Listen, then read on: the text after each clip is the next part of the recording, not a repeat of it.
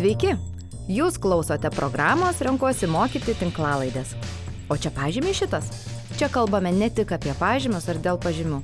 Su mokytojais, švietimo ekspertais, renkuosi mokyti bendruomenę. Čia kalbame apie švietimą, ugdymą, patirtis mokyklose ir ne tik. Apie vaikus, psichologiją, apie tyrimus čia ir svetur. Kviečiame pasinerti į švietimo pasaulį, kuris yra kur kas daugiau nei tik pažymiai.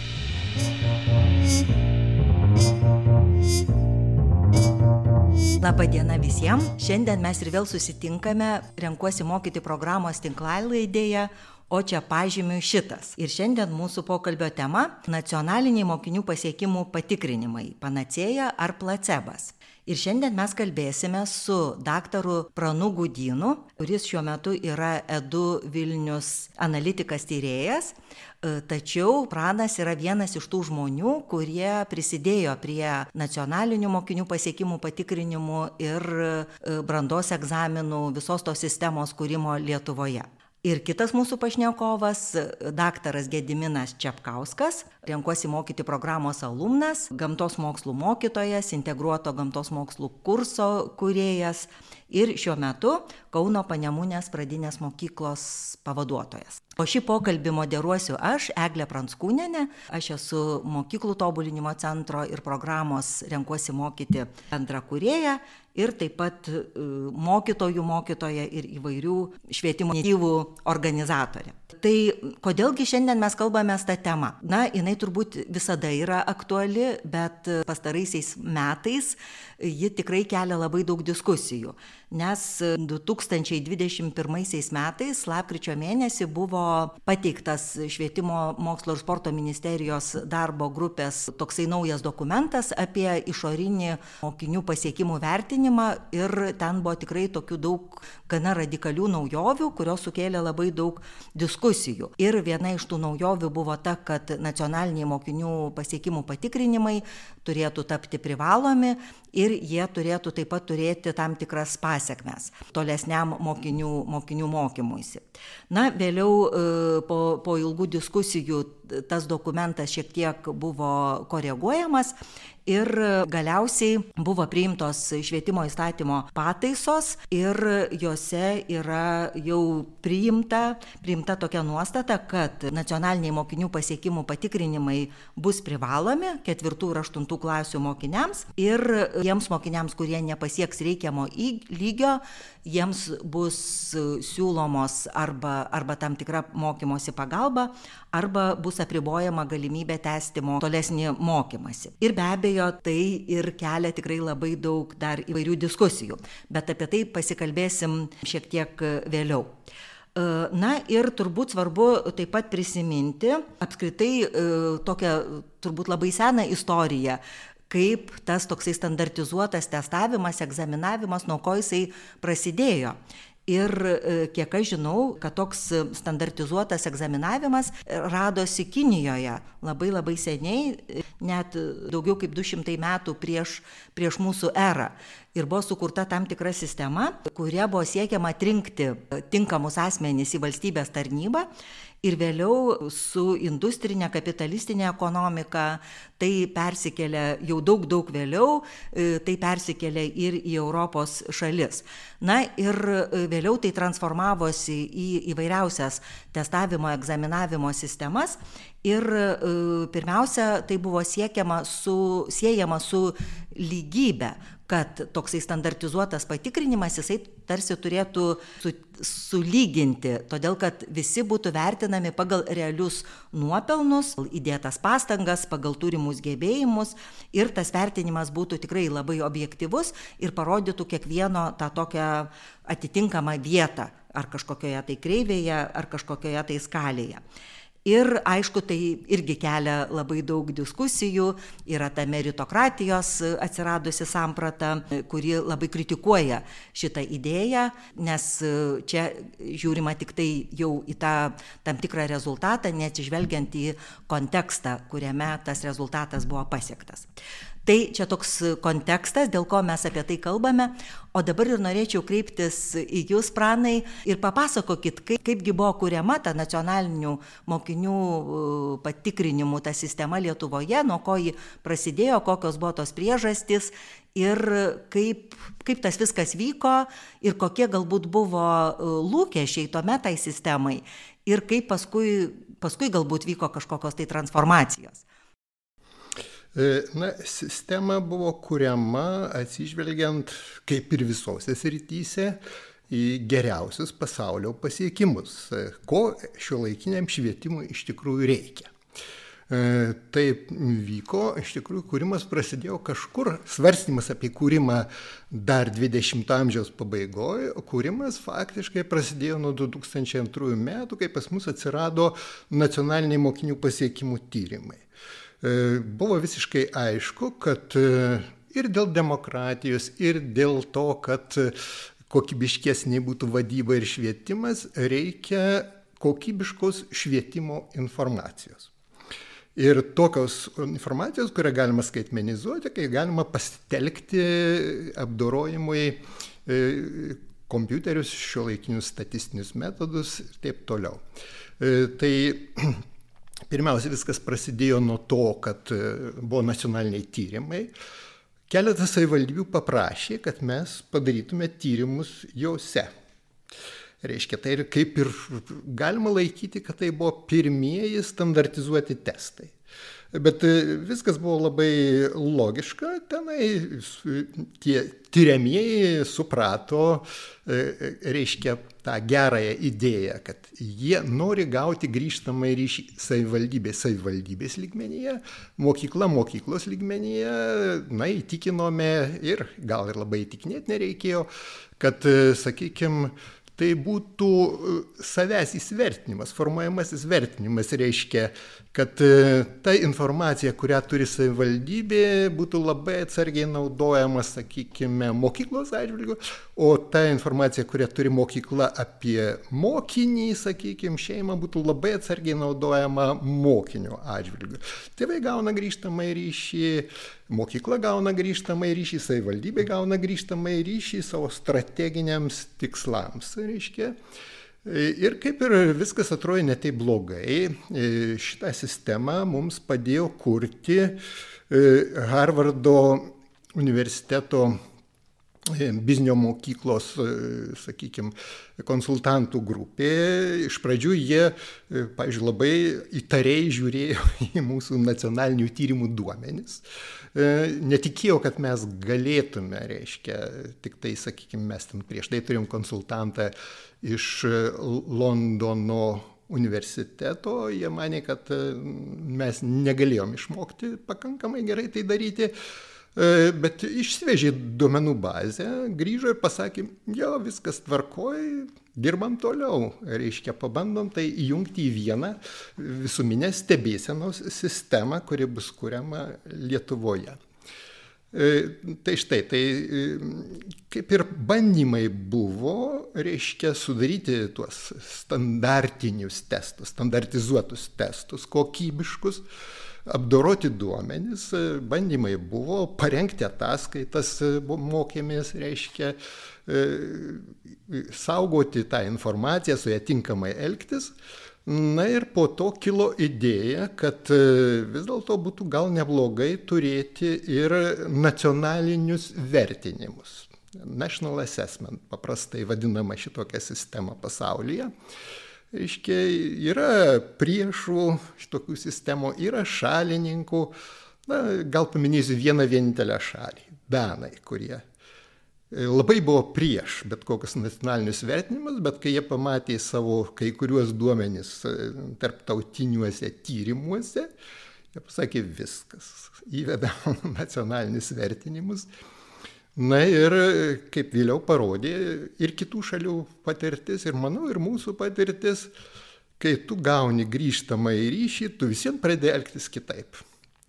Reiškia, ir tikrai pradėjo gerėti, manau, ir dėl šitos priežasties, tarptautinių tyrimų rezultatai, Iškia, tuo požiūriu rezultatas buvo pasiektas.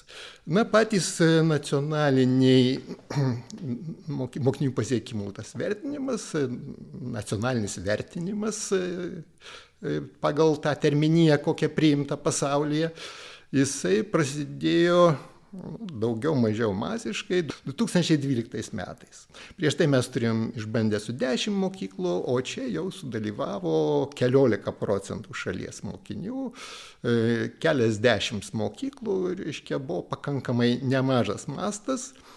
E, Parodym, kaip atrodo ataskaitos, tas pavyzdys, kaip, kaip elgėsi, sakykime, savivaldybės ir mokyklos, na, jis nelabai baugino, atrodė kaip ir viskas tvarkoje, taip sakant, e, ta pridėtinė vertė, kurią pavyko susikurti, atrodė naudinga, reiškia, ir, ir tada palaipsniui įsijungė savanoriškai daug savivaldybių praktiškai visos savivaldybės ir palaipsniui įsijungė praktiškai visos mokyklos. E, na, turbūt toks e, krizinis momentas atėjo tada, kai reikėjo keisti technologiją, nes viskas buvo sukurta popieriniai technologijai, taip sakant, pieštuko popieriaus technologija, kai vaikai pildo, e, reiškia, popierinius bukletus ir popierinius klausimynus, reiškia, ir viskas po to suvedama, apdorojama ir už tam tikro laiko, už 3-4 mėnesių visi gauna ataskaitas. E, galbūt pirminės ataskaitas gaudavau greičiau, mažiau apdorotas, mokinys ir už mėnesių turėdavo tą ataskaitą, bet jau tikrai pilnos ataskaitos būdavo daug vėliau, nacionaliniai tai vos ne po metų atsirasdavo. Tai va, tai suprantama, kad va, tokios situacijos trūkumas šiais laikais yra gana akivaizdus. Reiškia, lietai viskas vyksta. Viskas vyksta labai lietai, taigi pirmiausia reikia kažkaip e, kompiuterizuoti, skaitmenizuoti šitą dalyką. Na ir kažkaip vat, su tuo kompiuterizavimu ir įstrigome palaipsniui tiksliau dabar jau, jau čia aš nuo to laiko praktiškai turbūt tik pirmą kompiuterizuotą testą ir parengėme, po to jau, reiškia, to nebedarėme, perėmė egzaminų organizatoriai šitą darbą. Na ir testavimo sistemos pasirodė, kompiuterinio testavimo sistemos pasirodė nepakankamai patikimos, sunkiai, sakykime, paimama informacija iš jų, pasirodė, kad e, per brangu naudoti e, standartizavimo procedūras, tai yra sudaryti taip testus, kad, pavyzdžiui, būtų galima palyginti tarp atskirų metų, kuo anksčiau remdavosi šitas dalykas. Reiškia, visos užduotys buvo išbandomos su nacionaliniais tyrimais. E, tiksliai žinojai kažkurių metų, taip sakant, e, kaip bazė įmant kažkurios metus, e, kokios sunkumo, kokios kokybės yra užduotys ir būdavo galima sudaryti ekvivalenčius testus, kuriuos galima palyginti. Tai aišku, nepaprastai naudinga, nes Yra galimybė, sakykime, pasakyti, padarė vaikas pažangą, nepadarė, yra e, vaikų populiacija padarė pažangą ar nepadarė, sakykime, kaip mokykla atrodo lyginant su kitom mokyklom, kaip mokyklos mokiniai jie Nu, aišku, yra priežasčių visokių, kad galbūt ir, ir, ir, ir tos mokyklos rezultatai stabiliai negerėja, bet taip gali įvykti. Bet jeigu, sakykime, visos savivaldybės mokyklų mokinių rezultatai negerėja arba tam tikros kategorijos, sakykime, tam tikros e, socialinių, ekonominių požiūrį, tam tikros kategorijos vaikų rezultatai negerėja, tai tai labai svarbi informacija politikams, e, švietimiečiams na, galiausiai tai nu, būdas kažkaip tai įsitikinti, ar tas vertybės, kurias mes įgyvendiname, jas pavyksta įgyvendinti ar ne. Taigi, vat, turbūt tai, kas yra dabar, e, turi keletą, keletą tokių rimtų bėdų, dėl kurių aš tikrai abejoju, ar tai gali veikti. E, pirmiausia, yra žinomos tam tikros tiesos, reiškia, aksiomos švietime, tos įrodytos aksiomos, kad pavyzdžiui to paties vertinimo, to paties tyrimo rezultatai negali būti naudojami ir, sakykime, tokiais tikslais, kai tai turi didelės pasiekmes vaikui ir, sakykime, formuojama bendrino vertinimo tikslais. Jeigu tu naudoji kažkam, kas kelia grėsmę ar mokyklai, ar mokiniui, e, iš karto tada reikia nu, vos nekalėjimo sistemą sukurti, reiškia, kad būtų kiek galima mažiau iškreipti tie rezultatai. Atsiprašau, tai aš čia noriu ir įsiterpt tai, kad net iki dabar testai buvo e, kaip ir 95 procentai mokyklų, jos savanoriškai dalyvaudavo tuose testuose ir tai kaip ir neturėjo kažkokių tai testų rezultatų. Jie buvo neprivalomi, bet vis, beveik visuotiniai. Taip, taip, taip. Bet va tai, kad pasikeitė jų statusas, e, kaip jums atrodo, ką tai keičia? Na, ne tik tai jų statusas pasikeitė, reiškia. Jų pasiekmes rezultatų. Žiūrint, sakykime, 21 amžiaus pradžios vertybių sistemos atžvilgiu, statusas pasikeitė, na, nepateisinamai, taip sakant. Buvo jau, jau, jau, sakykime, 2002 metais buvo manoma, kad tai neturi veikti. Tai, ir net buvo pavyzdžiai, kad tai nelabai veikia, va šitoks požiūris reiškia. E, E, antra vertus, na, visas pasaulis pasikeitė. Šiaip jau standartizuoti testai yra gana toks logiškas įėjimas žmonijos e, tą pačią linkmę. Aš jau nekalbu apie kinus, aš kalbu apie šiuolaikinius žmonės, reiškia. Ir va, šiuo metu mes matome dirbtinis intelektas. Tai yra kažkas, kas sukrėtė žmoniją gal labiau negu atominės bombos sukūrimas. Iš tikrųjų tai priver žmoniją keistis galbūt labiau. E, bet kasgi tam dirbtinė intelekte ten slypi, jeigu, taip sakant, visą tą mistiką truputį nušluoti. Tai, tai aišku, visų pirma, tenai yra, reiškia, geras duomenų rinkimas, patikimų duomenų rinkimas, reiškia ir matematinių metodų taikymas prognozuoti ateičiai. Ir darimas tai labai greitai. Žiūrėk, tai šiais laikais, nu, dirbtinis intelektas tai yra e, tokia sistema, kurią apmokant naudojama kokį 200-300 ekspertų, pačių geriausių ekspertų, Ir jeigu tu tiem 200-300 ekspertų duotum kažkokius duomenys, kažko mokinio, mokyklos ar ką, jie ten 3-4 mėnesius ginčytųsi ir išduotų labai gerą, reiškia, atsakymą. Bet dirbtinis intelektas sugeba tų 300 e, ekspertų žinias sukoncentruoti ir išduoti atsakymą per kelias minutės. Vat jo jėga yra šitame reiškia. Tai e, žinot, vat, ir dėl tos priežasties, kad, e, kad pasaulis pasikeitė, standartizuoti testai negali būti tokie patys, reiškia, jie gali pradėti kenkti. Jeigu jie būtų tokios pačios kokybės, apie kokią buvo svajojama, kokią ten, sakykime, amerikiečiai geriausiais atvejais susikurdavo kažkas kažką, jie ir dabar tebe duotų labai gerą informaciją, jie duotų diagnostinė informacija. Diagnos, pirmiausia, diagnostika prasideda nuo labai paprastų dalykų. Nuo vaiko pasiekimų lygio, nuo jo pažangos lygio, nuo jo profilio, kas jam sekasi sunkiai, kas jam sekasi lengvai. Yra svarbi informacija, be kurios šiuo laikinis pedagogas, aš nekalbu apie vadovą mokyklos, nu, praktiškai negali veikti. Tai vad pas mus, na, nelabai kol kas Lietuvoje yra tų įrankių kitų negu šitas įrankis. Jis, nu, nebuvo labai tobulas, bet, bet šis tas, sakykime, pas mus dažnai kalbama Suomiai, Suomiai, ten nedaro testavimų, neturi standartizuotų testų. Bet ten mokytojas ir mokykla turi krūvą įrankių, kuriuos gali panaudoti. Mes kartais net nesuprantame, kad e, dėja žmonės yra labai skirtingi ir paradigma švietimo keičiasi taip, kad tuos skirtingumus netgi reikia bandyti išlaikyti ir tada reikia atsižvelgti, koks jis yra. Tai gal mes ir perdodam dabar tą kamoliuką Gediminui, kaip, kaip tau tai atrodo iš, būtent iš mokytojo, iš mokyklos e, perspektyvos, kiek, sakykime, ar tau irgi kaip mokytojui ir dabar kaip tu esi pavaduotojas, ar e, būtent e, tų testų duomenys tau yra kaip kažkoks atskaitos taškas, padedantis matyti ten kiekvieno vaiko, sakykime, pasiekimus to laikotarpio, ar e, kažkokie kiti dalykai tau yra taip pat svarbus ar svarbesni?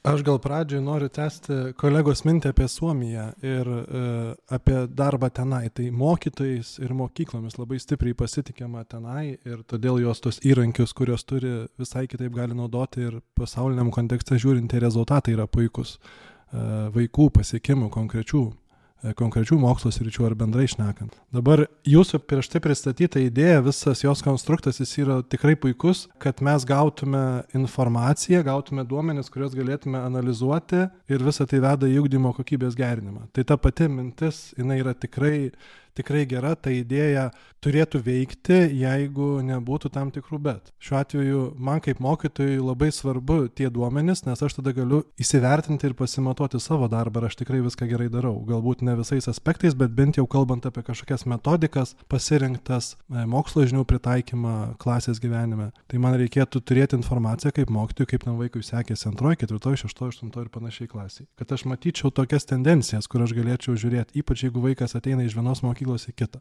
Dabar tokios galimybės nėra. Kitas dalykas, man kaip mokytojui, kai tenka lyginti praėjusių metų vaikų rezultatus su šių metų, kitaip sakant, vienų vaikų visai su kitais, kas statistiškai tiesiog yra nesąmonė, tai tada atsiduri tokioje dviprasmiškoje situacijoje, kur matai, kad tas darbas yra tikrai betikslis, o tada mokyklos vadovai reikia galvoti apie strategiją, kaip gerinti vienus ar kitus pasiekimus. Bet tada pažiūrėkime daug dalykų, ar mokykla yra vykdanti atranką mokinių ar ne. Kokia yra bazė, ypač kalbant apie tyrimus, apie gamtos mokslus, kokia infrastruktūra sukurta, kokios yra mokytojų kompetencijos, koks yra vadovo požiūris į visą tą darbą, ar jisai jaučiasi stipriai vertinamas kaip vadovas ir jo mokykla tarp kitų mokyklų pagal būtent rezultatus kaip mokytojui jaustis, ar jisai bus vertinamas kolegų tarpe, kad jo klasė pasiekė vienus ar kitokius geresnius rezultatus, tačiau tai gali lemti priežasis tokios kaip klasėje esančių stipresnių vaikų skaičius, atranka daryta arba nedaryta, tėvų požiūrius, ta bendrystė, mokyklos bendruomenė, yra labai daug tokių dalykų, kur tada įneša tos tokius triukšmus ir, kaip jūs sakėt, labai atsargiai naudoti tuos duomenis, tai kartais mes tikrai galim pakengti ir vėlgi buvo prieš tai sakyta, kad ta idėja ir toksai priverstinis kažkoks darbas, man tas vienas, Eglė, jūsų žodis nuskambėjo pasiekmes, taip labai baisiai aš sėdžiu ir galvoju, tai dabar pasiekmes kam? Švietimo ministrui, ar tai mokyklos vadovui, ar mokytojui, ar, ar vaikui konkrečiam, bet turbūt visiems. Tai kai mes kalbam apie tai, kad virsmas švietime vyksta labai greitai, kai yra tos specialybės dabartinės ir yra daugybė ateities, kurių mes dar nežinom, kai kalbam apie tai, kad mokytojai turėtų kompetencijas ugdyti, o ne e, suteikti kažkokias konkrečias žinias ir jas kalti, kalti dėl to, kad rezultatas geras būtų ruoštis konkrečiam testui tai tada, man atrodo, mes šiek tiek nesažiningai vieni prieš kitus atrodom, nes jeigu mes kryptingai ruošiam testui vienam ar kitam, tai mes tikrai ir paruošiam, jeigu bus toks tikslas. Bet jeigu mes kalbėsime apie tai, kad auginam žmogų visų dalykų pamokose, ugdydami jį per to dalyko žinias, bet akcentuojam kompetencijų ugdymą, tai man visas šitas priverstinis požiūris įneša daugybę įtampų, kurios jaučiasi ir, ir kolektyvę mokyklos, ir įvairių mokyklų e, lygmenyje. Ir tada ar mes tik tikrai tą kokybę pagerinsim šitaip? Čia toks didelis turbūt klausimas bendrai visiems. Ar mes tikrai tą padarysim priverstiniai, mesdami kažką, kas yra dar viena prievolė, mm, šiek tiek su kartais dėja iškreiptų požiūrį į tos duomenys, kurie galėtų realiai būti puikūs, e, gerinant kokybę ir kuriant įvairias pagalbos galbūt priemonės, e, investuojant į mokyklas, kurios praščiau atrodo šalies lygmenyje, siunčiant geriausius mokytojus arba užsakant mokymus įvairius arba žiūrint į materialinę bazę. Tai va čia toksai didelis klaustukas. Taip. Aš matau, kad pranas jau nori reaguoti, bet aš kaip tik dar ir noriu uh, užduoti klausimą pranui. Tai vis, tik, vis tiek buvo tokie keliami lūkesčiai, ar ne, kad būtent uh, va, tie gaunami duomenys, jų analizė tikrai prisidės prie uh, kokybės gerinimo, galbūt tai ir prie ugdymo turinio kaitos, ir, ir prie mokytojų kompetencijų tobulinimo, ir prie daugybės kitų dalykų. Tai ir man atrodo visą laiką buvo tokia kaip ir tam tikra įtampa tarp šitų dalykų, ar ne, tarsi mes turim daug duomenų, bet bet ar mes tikrai tos duomenys panaudojam? Tai norėjau vat ir paklaust gal jūs ir paminėtumėt kokie buvo priimti tie sprendimai sakykim kurie panaudojo pasiekimų duomenis tam kad kažkas tai pasikeistų ar ugdymo turinyje ar kažkokiose kitose srityse Iš tikrųjų, tai patys svarbiausi sprendimai buvo priimti savivaldybių ir mokyklų lygmenyje. Turbūt pradedant kokiais 2005-2010 metais aš supratau, kad vis dėlto, jeigu ieškoti sąjungininkų, kas norėtų tobulinti švietimą, tai yra trešdalis savivaldybių labai aktyvių ir yra trešdalis mokyklų labai aktyvių, kurios tengiasi tai padaryti protingai, jie galvoja, kodėl jie kažką daro, reiškia. Ir jie turėdami tuos duomenys, galbūt ne visi ten panaudodavo tinkamai, reiškia, bet kai kas panaudojo labai tinkamai šitos duomenys. Na nu, ir jums leidus vis dėlto du anegdotus papasakosiu, reiškia, apie tai, kad iš tikrųjų, o kągi mums rodo šitie duomenys. Na, turim tokį unikalų atvejį, viena labai garbinga mokykla, ten tradiciškai tarp dešimties geriausių Lietuvoje. Turėjom tiesiog puikų eksperimentą galėjom atlikti. Berots trys klasės, kurias mokė aštuntokų, man ar dešimtokų, dabar jau nebepamenu, mokė ta pati lietuvių kalbos mokytoja ir ta pati matematikos mokytoja. Na ir kadangi tu visos Lietuvos kontekste, tai tu matai, kad matematika iš tų pačių vaikų išspaudžiama daugiau, reiškia, vaikų ten beveik šimtas ir pagal tą Lietuvos normą matematika ir, ir lietuvių kalba ir matematika yra puiku, bet, nu, matematika iš viso kažkas nepaprasta, o lietuvių kalba truputį blogiau. Na ir kaip ir pašnekėjom su direktorium, direktorius sako, kaip ir geros abi dvi mokytojas. Tada pradėjom žiūrėti vaikų atsakymus į klausimynų klausimus ir paaiškėjo labai paprastas dalykas. Pasirodo, jie atlieka begalę matematikos namų darbų ir daug mažiau skiria laiko lietuvių kalbai. Tai va, tada juokais ir sakydavau, na, tai kuri mokytoja dabar gera, ar ta, kuri terrorizuoja namų darbais ir pasiekia labai labai gerų rezultatų, ar ta, kuri neterrorizuoja ir pasiekia labai gerų rezultatų. Tai aišku, tokie dalykai iš tikrųjų verčia susimastyti. Na ir turbūt e, viskas tęsiasi tarp kitko.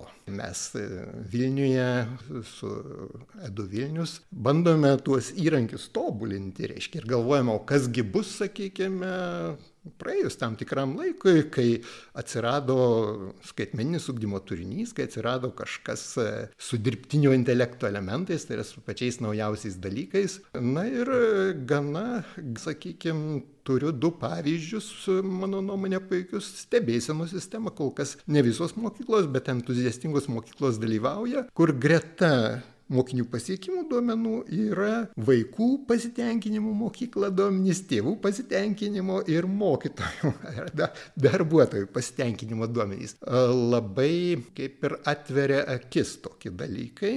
Ir pradedi suprasti, kas teoriškai buvo labai seniai aišku, kad švietimo kokybė nėra vien akademiniai pasiekimai. Tai yra daugybė dalykų, reiškia, kurių kartais pamatuoti visų nebeįmanoma. Bet jeigu, kaip e, tos ryties specialistai sako, švietimo kokybės, tu pažiūrėsi dar ir, sakykime, patirtis kurias mokiniai patiria, patiria tėvai, darbuotojai, tu matai nepalyginamai tikresnį vaizdą. Bet kas, kas tai yra kokybė? Tai yra tos žmonių grupės poreikių tenkinimas nei kiek nemažiau kaip valstybės poreikių tenkinimas. Galbūt valstybei reikia tik tai daug labai gerų matematikų, jai taip atrodo, trumparegiškai reiškia. Bet ta bendruomenė turi savo planus ir taip pat labai pergyvena už valstybę ir tada tu pamatai visai kitą dalyką. Ir vat kitas dalykas dabar reiškia su eduten skaitmeninė matematikos mokymo platforma. Mes tokią iniciatyvą čia irgi išreiškėme, papildyti dar kažko panašaus į NMPP testus, savanoriškai mokytojai imtųsi ir bandytų šitaip gauti grįžtamą ryšį. Vat jie pradeda, jie dar niekad nedirbę su skaitmeniniu ugdymo turiniu, pradeda naudotis, dirbtinis intelektas už juos atlieka dalį darbų. Ką jam daryti? Ar bandyti lenktyniauti su dirbtiniu intelektu, ar daryti kažką, ko ko negali padaryti dirbtinis intelektas, sakykime, motivuoti vaiką, pažinti jį, aiškintis jo poreikius, kalbėti apie gyvenimą ir taip toliau. Ir štai vat, labai įdomus dalykai. Pasirodo, kad jau šitomis platformomis galima susirinkti tokius duomenis, iš kurių padaryti galima daug įdomesnės išvadas negu iš NMPP duomenų. Ir tai vyksta nepalyginamai greičiau. Tai yra, tu iškart nušauni du zuikius, reiškia, tu gauni informaciją,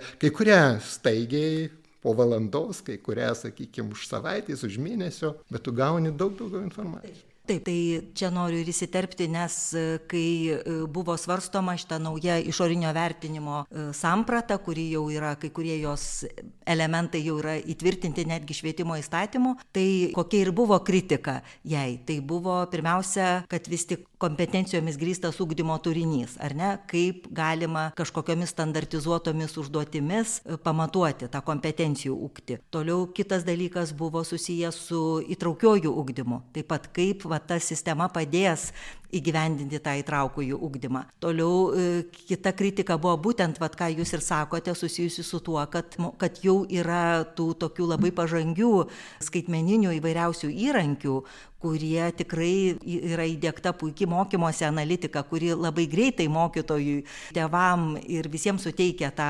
momentinį tokį e, grįžtamą į ryšį. Ir nereikia tau laukti, nes dabar tarsi šita sistema sako, kad e, mes pamatuosime vaikus ketvirtoje klasėje ir po to mes nutarsime, e, kai jau tas vaikas ateis į penktą klasę, kad jeigu jo buvo prasti rezultatai, tai jam matyti reikia pagalbos ir tada mes tą pagalbą jam suteiksime. Ir jau tai jau pasibaigus ketvirtai klasiai.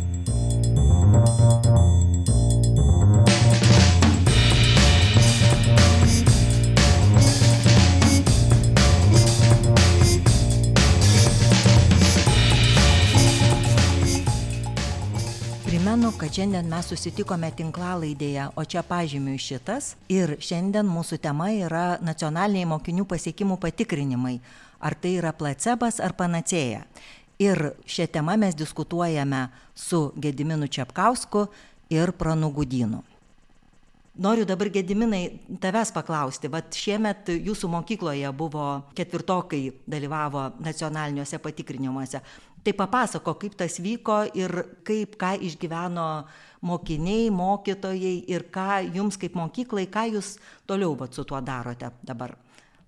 Tai turbūt kaip ir kiekvienais metais, kiekvienai mokyklai, kurie tikrai stengiasi dėl vaikų rezultatų, tai buvo iššūkis ir buvo įtampų. Įtampų dėl to, kad patikrinimai vyksta ne metų pabaigoje, jie vyksta metų eigoje, ką mokytojai natūraliai skaičiuoja, kad čia dadu į kabutę žodį, neišeina jie programos, tai tada jie yra tarp dviejų programų, tarp standartizuotos programos, kuri numato kaip reikia ruošti vaikus ir tarp bendrosios programos dalykų. Tai jie va dar tų, tų dviejų dalykų žiūri. Ir e, klasės yra skirtingos, mokytojų metodikos irgi yra skirtingos, akivaizdu, kad ir rezultatai yra skirtingi. Dabar ką mokykla su tuo daro? Tai mokykla galvoja, kaip padaryti, kad nebūtų ir įtampos tokios, ir kaip padaryti, kad mes kaip mokytojai, kaip bendruomenė būtume realiais kuriejais ir mes galėtume perskaityti pačias programas ir patys, kurdami ugdymo planą, realiai galvoti apie ugdymo turinį, kokį mes įgyvenysime, atsižvelgdami į savo mokyklos specifiką, identitetą, tradicijas ir vertybės, kurias mes esam pasirinkę. Bet va tada galvoja apie tai, kad dažnai iš tėvų yra lūkestis ir klausimas, ar paruošime vaikus progimnazijai. Progimnazijai yra ypač 8 klasiai klausimai ir lūkestis iš tėvų ir kartais spaudimas, ar vaikai stos į geras gimnazijas. Tai va tėvai atneša tą dalį spaudimo, kuri natūraliai gulant mokytojų pečių ir tame išlaviruot visame, kame yra tikrai reikalų. Mokytojai tikrai laukia rezultatų su nerimu, nes nesamoningai jie pasilygina tarpusavyje. Bet tai yra visiškai neteisinga ir ta prasme, čia šiuo atveju yra didelis kliuvinys dėl ateities, nes tikrai mokytojai klausia labai žmogiško klausimo, gediminai sakyk, kaip bus kitais metais. Ar vėlgi bus testavimas va taip eigoje metų, jeigu reikia mes paruošim, bet tada kaip kitus dalykus padaryti, reikia galvoti. Tai va čia tada yra toksai, tai ar mes ruošiam testui, ar mes įgyveninsim ugdymo turinį ir auginsim vaiką. Tai va čia nėra lengvas klausimas ir dar labiau nėra lengvas atsakymas.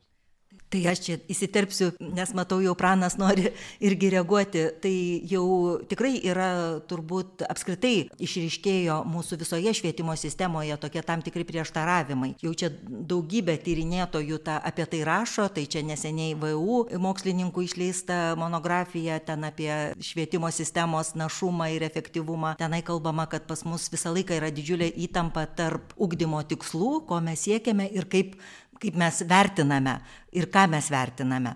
E, dabar taip pat neseniai apgintoje Irenos Raudienės disertacijoje taip pat labai daug kalbama apie tą va tokią performatyvumo kultūrą, kuri jau atėjo į mūsų, į mūsų praktiką, kai mes vis tik mokykloje pat ir esame įsprausti į na, į tokią, kaip ir į tokią situaciją, kur, kur turime renkti vaikus testams ir, ir egzaminams, nes tai yra ir tėvų spaudimas, visuomenės spaudimas, mokyklos pagal tai yra vertinamos ir taip toliau. Ir tai labai dažnai labai prieštarauja tiem patiem ugdymo tikslam, susijusiam, kurie visada yra susiję su vertybėm, su asmenybės, su holistiniu požiūriu į ugdymą ir, taip toliau. Tai pranai, kaip jūs man, manote apie, apie šitos prieštaravimus ir kaip būtų galima jų, juos kažkaip apžai, ne, ne tai, kad apžaisti, bet, bet suderinti šitos dalykus. Nes vis tiek tos atskaitomybės tam tikros sistemos tai reikia, bet kaip padaryti, kad ji būtų tokia, kuri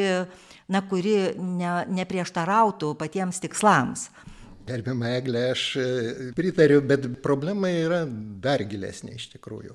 Daug kur mes remiamės į tai, kad e, švietimo sistema vystosi netolygiai ir kai kurios rytys, kai kurios rytys joje nėra vienodai tobulos, reiškia, ir gali, taip sakant, tobulai pasinaudoti tom idėjomis. Pavyzdžiui, testas, reiškia, na, testas, kad greitai atsisakysime visiškai testų, nu, nelabai tikiu, nes į tai įdėta labai daug e, tyrimų, labai daug išminties. Sunku man patikėti, kad galėtų žmogus visiškai nesiorientuojantis, kaip sudaromi testai, sakykime, kaip suskirstomas ugdymo turinys į kažkokias rytis, kad jis galėtų kažką kitą tikri, vertinti kitais būdais, reiškia. Na prieš tai, kaip groti, vis dėlto dauguma kažkokius didelių kompozitorių kūrinius, vis dėlto dauguma išmoksta gerai atlikti gamą, ten dar kažką. Tai tas kitas kelias nėra labai o toks patikimas ir, ir to kaip reikia. Tai e, pas mus turi būti mokslas jau tobulai įsisavinęs, reiškia, ir, ir, ir kompetencijos mokytojų ir vadovų, tobulai įsisavinę šitą pakopą ir tada jau eiti į sekančią pakopą. Čia, nu, mano nuomonė, reiškia. Toliau, pavyzdžiui, kita, daugybė tų problemų, bet kita yra vadyba, reiškia. Ir vadyba gali būti tokia, e, taip sakant, atiduodanti funkcijas apsispręst kažkur žemesniem lygmenim ir gali būti piramidinė. Ir tos piramidinės vadybos Lietuvoje dar švietime labai daug. Aš tikrai esu matęs, kaip prieš rugsėjo pirmą švietimo skiriaus vedėjas susikvietęs visą bendruomenę, atsistoja, atsiverčia reitingų žurnalą ir džiaugsmingai pasako, nu, va, pagirimas tam, tam, tam, papeikimas tam, tam, tam, imkitės kažkokių priemonių ir jam reikia šito įrankio, jam mirtinai reikia šito įrankio, to reitingo, nes kitaip jis dirbti nemoka. Taip, bet, bet paaiškėjo, kad pati valstybė suteikdavo duomenis reitingams, netaip seniai tik tai nustojo teikti mokinių pasiekimų duomenis. Tai kaip, kaip galim šitą dalyką vertinti? Kad, kad pati valstybė atiduodavo duomenys, kurie yra didžiulis turtas, atiduodavo visiškai privačiam verslui. Ir, ir tas reitingavimas turbūt irgi sukėlė labai daug. Pagrindiniai duomenys yra visiškai atviri ir turbūt ir šiais metais bus visiškai atviri, nes aš netikiu, kad kas nors trauktųsi, reiškia. Pavyzdžiui, valstybinių brandos egzaminų duomenys yra visiškai atviri, bet neteisybė atsiranda jau iškart po to, kai dalis duomenų atvira, o kita dalis ne. Ir, pavyzdžiui, va, tie duomenys, kurie atviri, skatina tave neleisti laikyti matematikos ir lietuvių kalbos vaikui, kuris vidutiniškai arba silpnai tą dalyką mokus. Labai negatyvus, reiškia, poveikis. Jeigu būtų pilni duomenys, taip neatsitiktų, reiškia, bet dabar taip įvyksta, nes duomenys tik tai daliniai. E, daugybę metų dirbu su duomenimis ir mano nuomonė tokia. Jeigu jau reikia naudotis reitingais, reiškia, mes turime mažai ir labai nekokybiškų duomenų. Jeigu turėtume tikrai daug duomenų, kai mes matytume visus mokyklos atspalvius, negi mes bandytume jas išrikiuoti, kuri geresnė, kuri blogesnė. Turbūt niekam net į galvą neteitų, kai turi daug duomenų, tu supranti, kad e, paprastą eksperimentą atlikau iš tų pačių duomenų. Reiškia, kaip sekasi mokyklom dirbti su įvairių socialinių, ekonominių grupų vaikais. Na, pavyzdžiui, suskistėme vaikus į žemiausią kvartilį, nepalankiausią švietimui, aukštesnį, aukščiausią kvartilį. E, labai nustebau. Pasirodo, mano mylima mokykla, reiškia, kurią aš jau stebiu dėl tam tikrų priežasčių jau virš 50 metų, kaip mokėjo dirbti su to viršutinio kvartilio vaikais, taip ir tebe moka ir kaip jų vertybių sistemoje tas žemiausias kvartilis nebuvo vertingas, taip ir nėra vertingas. Pridėtinę vertę jie duoda daug mažesnę Skirtingos mokyklos duoda skirtingą pridėtinę vertę išeiviams iš skirtingų sluoksnių ir skirtingų gabumų vaikams. Tai vad jie duoda žemą pridėtinę vertę tiem, kurie ir taip nieko neturi, ir didelę pridėtinę vertę tie, kurie turi. Nors šiuo momentu dauguma jų vaikų nėra tie elitiniai vaikai, reiškia. Ir radau Kaune mokyklą, kuri atvirkščiai tarsi ir privati mokykla, tarsi viskas jie turėtų būti, nu, ji turėtų būti į, į, į rinką orientuota ir ji duoda didžiausią pridėtinę vertę, žymiai didesnę, būtent tiem vaikam iš nekokios socialinės aplinkos ir nelabai kas sugeba duoti tiem patiem patiem, kuriem viskas lengvai sektųsi ir taip toliau. Bet įvairiausių tokių dalykų, tai, prantate, tai vėl net ir paėmus vieną mokyklą, ten joje dar yra atspalviai. Tai be abejo, Gediminai, tu nori sureaguoti. Aš čia šiuo atveju klausau dabar ir galvoju, tai mes apie pasiekimus tai kalbam, bet pasiekimai ir pažanga.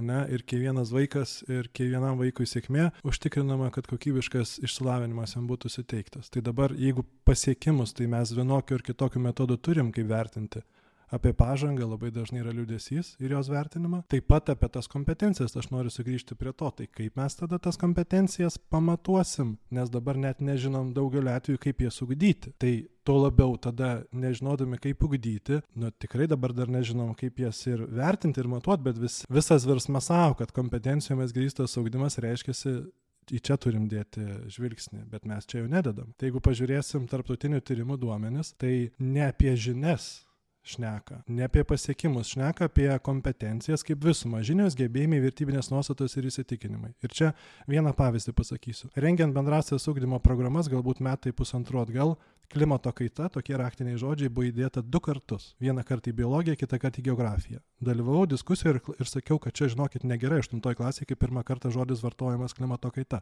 Tai man atsakė kad čia yra bendroji geografijos programa o ne bendroji klimato kaitos programa.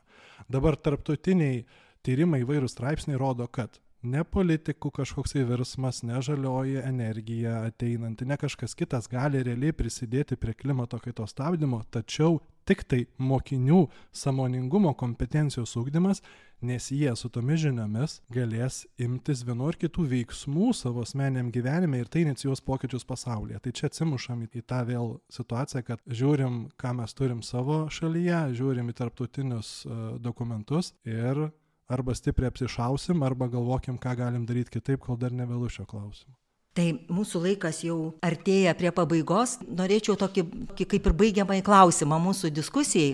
Tai vis tiek e, jau yra priimtos švietimo įstatymo pataisos, jau vis tiek, žodžiu, tie nacionaliniai mokinių pasiekimų patikrinimai vyks ketvirtose ir aštuntose klasėse. Tai ką mes galim padaryti, kaip mes galim vis tik sumažinti tas įtampas tarp va tų ugdymo tikslų, vat, į kompetencijas orientuoto ugdymo turinio ir tų mokinių pasiekimų, žodžiu, tarp tų įvairių temų, problemų kylančių iš to realaus gyvenimo, kurie, kurios turi ateiti į mokyklą. Ir va, tarp tos standartizuotos sistemos. Tai kaip, kaip va, sumažinti tą įtampą ir vis tik, kad mokyklos tikrai galėtų be kažkokio tai tokio spaudimo įgyvendinti tuos ir pačius ugdymo tikslus, bet lygiai taip pat atliepti ir tuos ir bendruomenių žmonių lūkesčius ir orientuotis į tų konkrečių vaikų poreikius.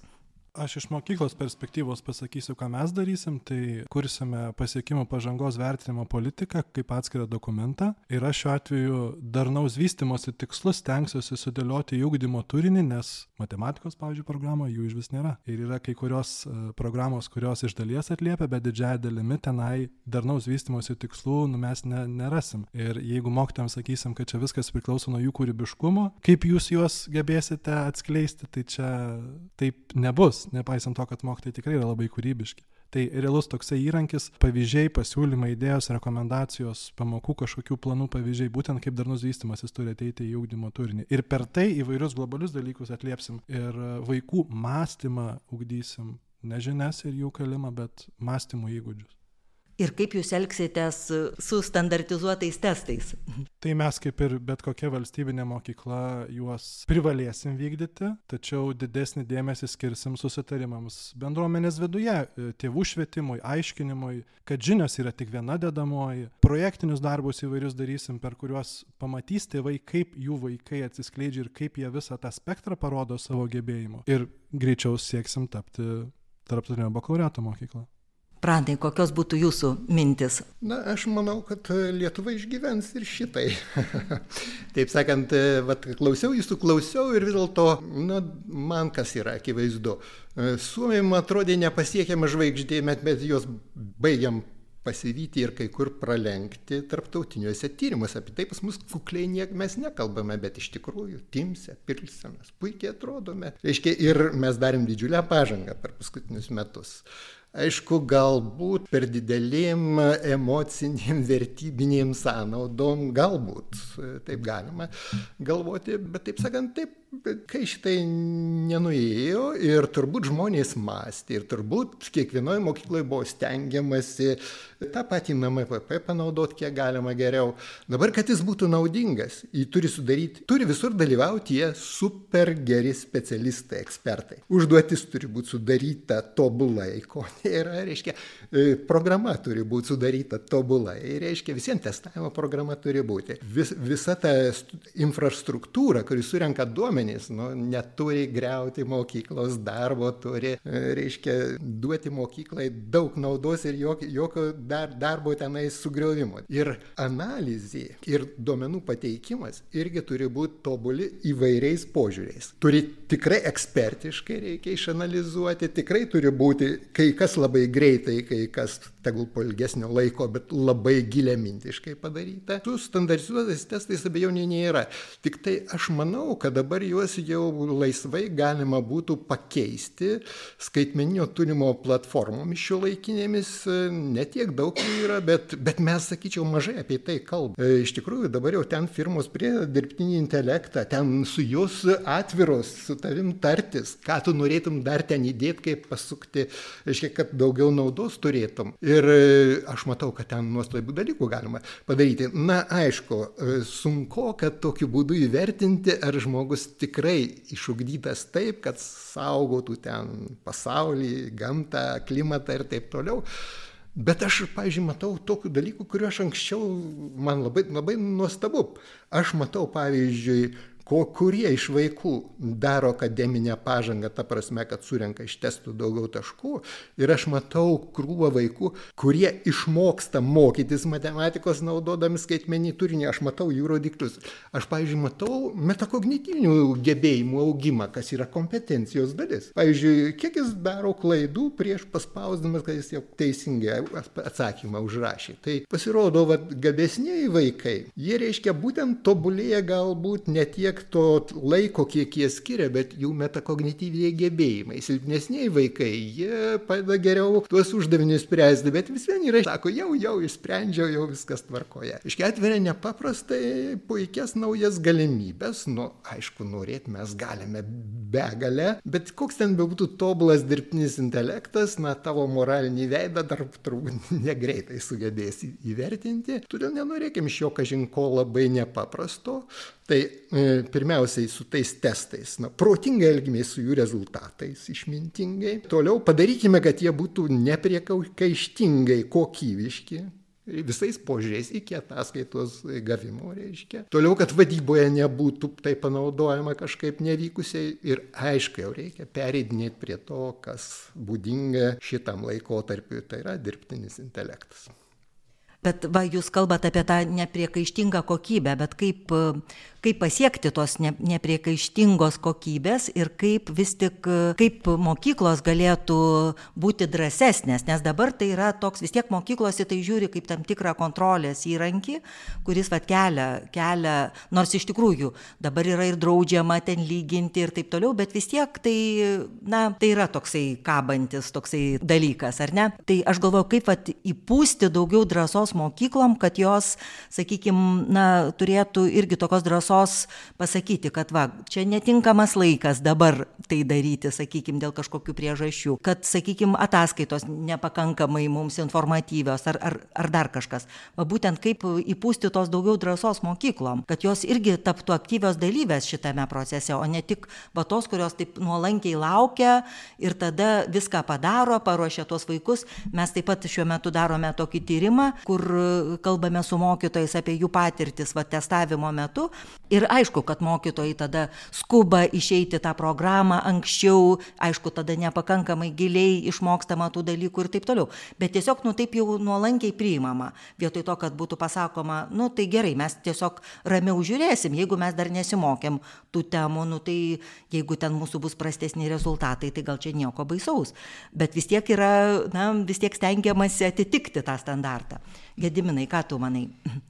Tai vėlgi, ar vaiką matom kaip dalyko mažą specialistą, kurį auginam, ar kaip žmogų, kurį mes auginam. Tai aš prie šito uh, varianto pasilieku vis tiek. O apie mokyklą, tai susitarimai bendruomeniai ir pasitikėjimo tas auginimas. Toksai kaip pavyzdį sakau, tėvam pristatėm planą, kad kitais metais daugiau dėmesio skirsim vaiko individualiai pažangai. Tada tėvai klausia, kas konkrečiau tai yra ir kaip jie gali prisidėti. Tada sakau, pavyzdžiui, padėkit mums kartu e, mokyti vaikus kelti asmeninius mokymosi tikslus, bet neorientuokime į konkretų rezultatą, pasiekti daugiau, sužinoti daugiau ir būti ten geresni už kažką. Tada tėvai sako, o tai kaip kitaip tai galim daryti. Tai tada sakau pavyzdį, paimkim antrą arba trečią klasę, kur šneka apie žmogaus kūną ir apie mytybą, apie maisto produktus žinias. Tai vaikas tas žinias gavęs mokykloj, tai gal keliasi tikslą su seneliais pagaminti kažkokias augienės vasarą ir pritaikyti tas žinias apie maisto saugą, apie produktų derinimą ir panašius dalykus. Ir tada sako, dabar mums aiškiau, kad ne vien tik tai tą rezultatą, kaip skaičių kažkokią tai išraišką reikia žiūrėti.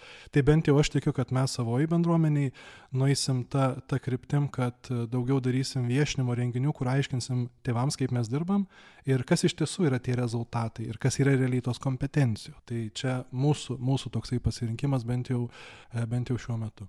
Aš manau, kad pagrindinis klausimas, raktinis žodis yra demokratija iš tikrųjų. Reiškia, visur pas mus tos demokratijos stinga ir aš matau, iš tikrųjų, aš irgi labai patyrę žmogus šito požiūrį, aš nueinu į kokį nors renginį, kur pristatinėjama kokia nors naujovė, pažiūriu į savo gerai pažįstamus mokytojus arba direktorius, jų veidus, suprantu, kada jie sako, a, nu jo, nerealu, tiek to. praleisim šitą dalyką. Čia nieko rimto nereiškia, mes dirbom, gerai dirbom ir toliau dirbsim, reiškia. Ir aš matau, kai jie supranta, kad, pavyzdžiui, jiem jau tai trukdo normaliai dirbti, arba kai jiems suteikia galimybę kažkas iš tikrųjų normaliai dirbti. Tai čia aš vieną tik aspektą. Pagalba vaikui. Vat čia, jeigu būtų gerai apgalvota pagalba vaikui, ko gero aš pateisinčiau netgi tokį NMPP, koks jis dabar yra. Bet ką reiškia gerai apgalvota pagalba vaikui? Vėlgi aš klausiau suomių profesorių paskaitas ir aš suprantu, kur yra skirtumas minties, reiškia, jų švietimo sistemoje ir mūsų švietimo sistemoje. Esu pakankamai patyręs pedagogas. Aš suprantu, kad ne kiekvieną galima matematikos išmokyti vienodai gerai. Aišku, vienodai šauniu žmogumi galima padaryti kiekvieną, bet matematikos tikrai ne kiekvieną.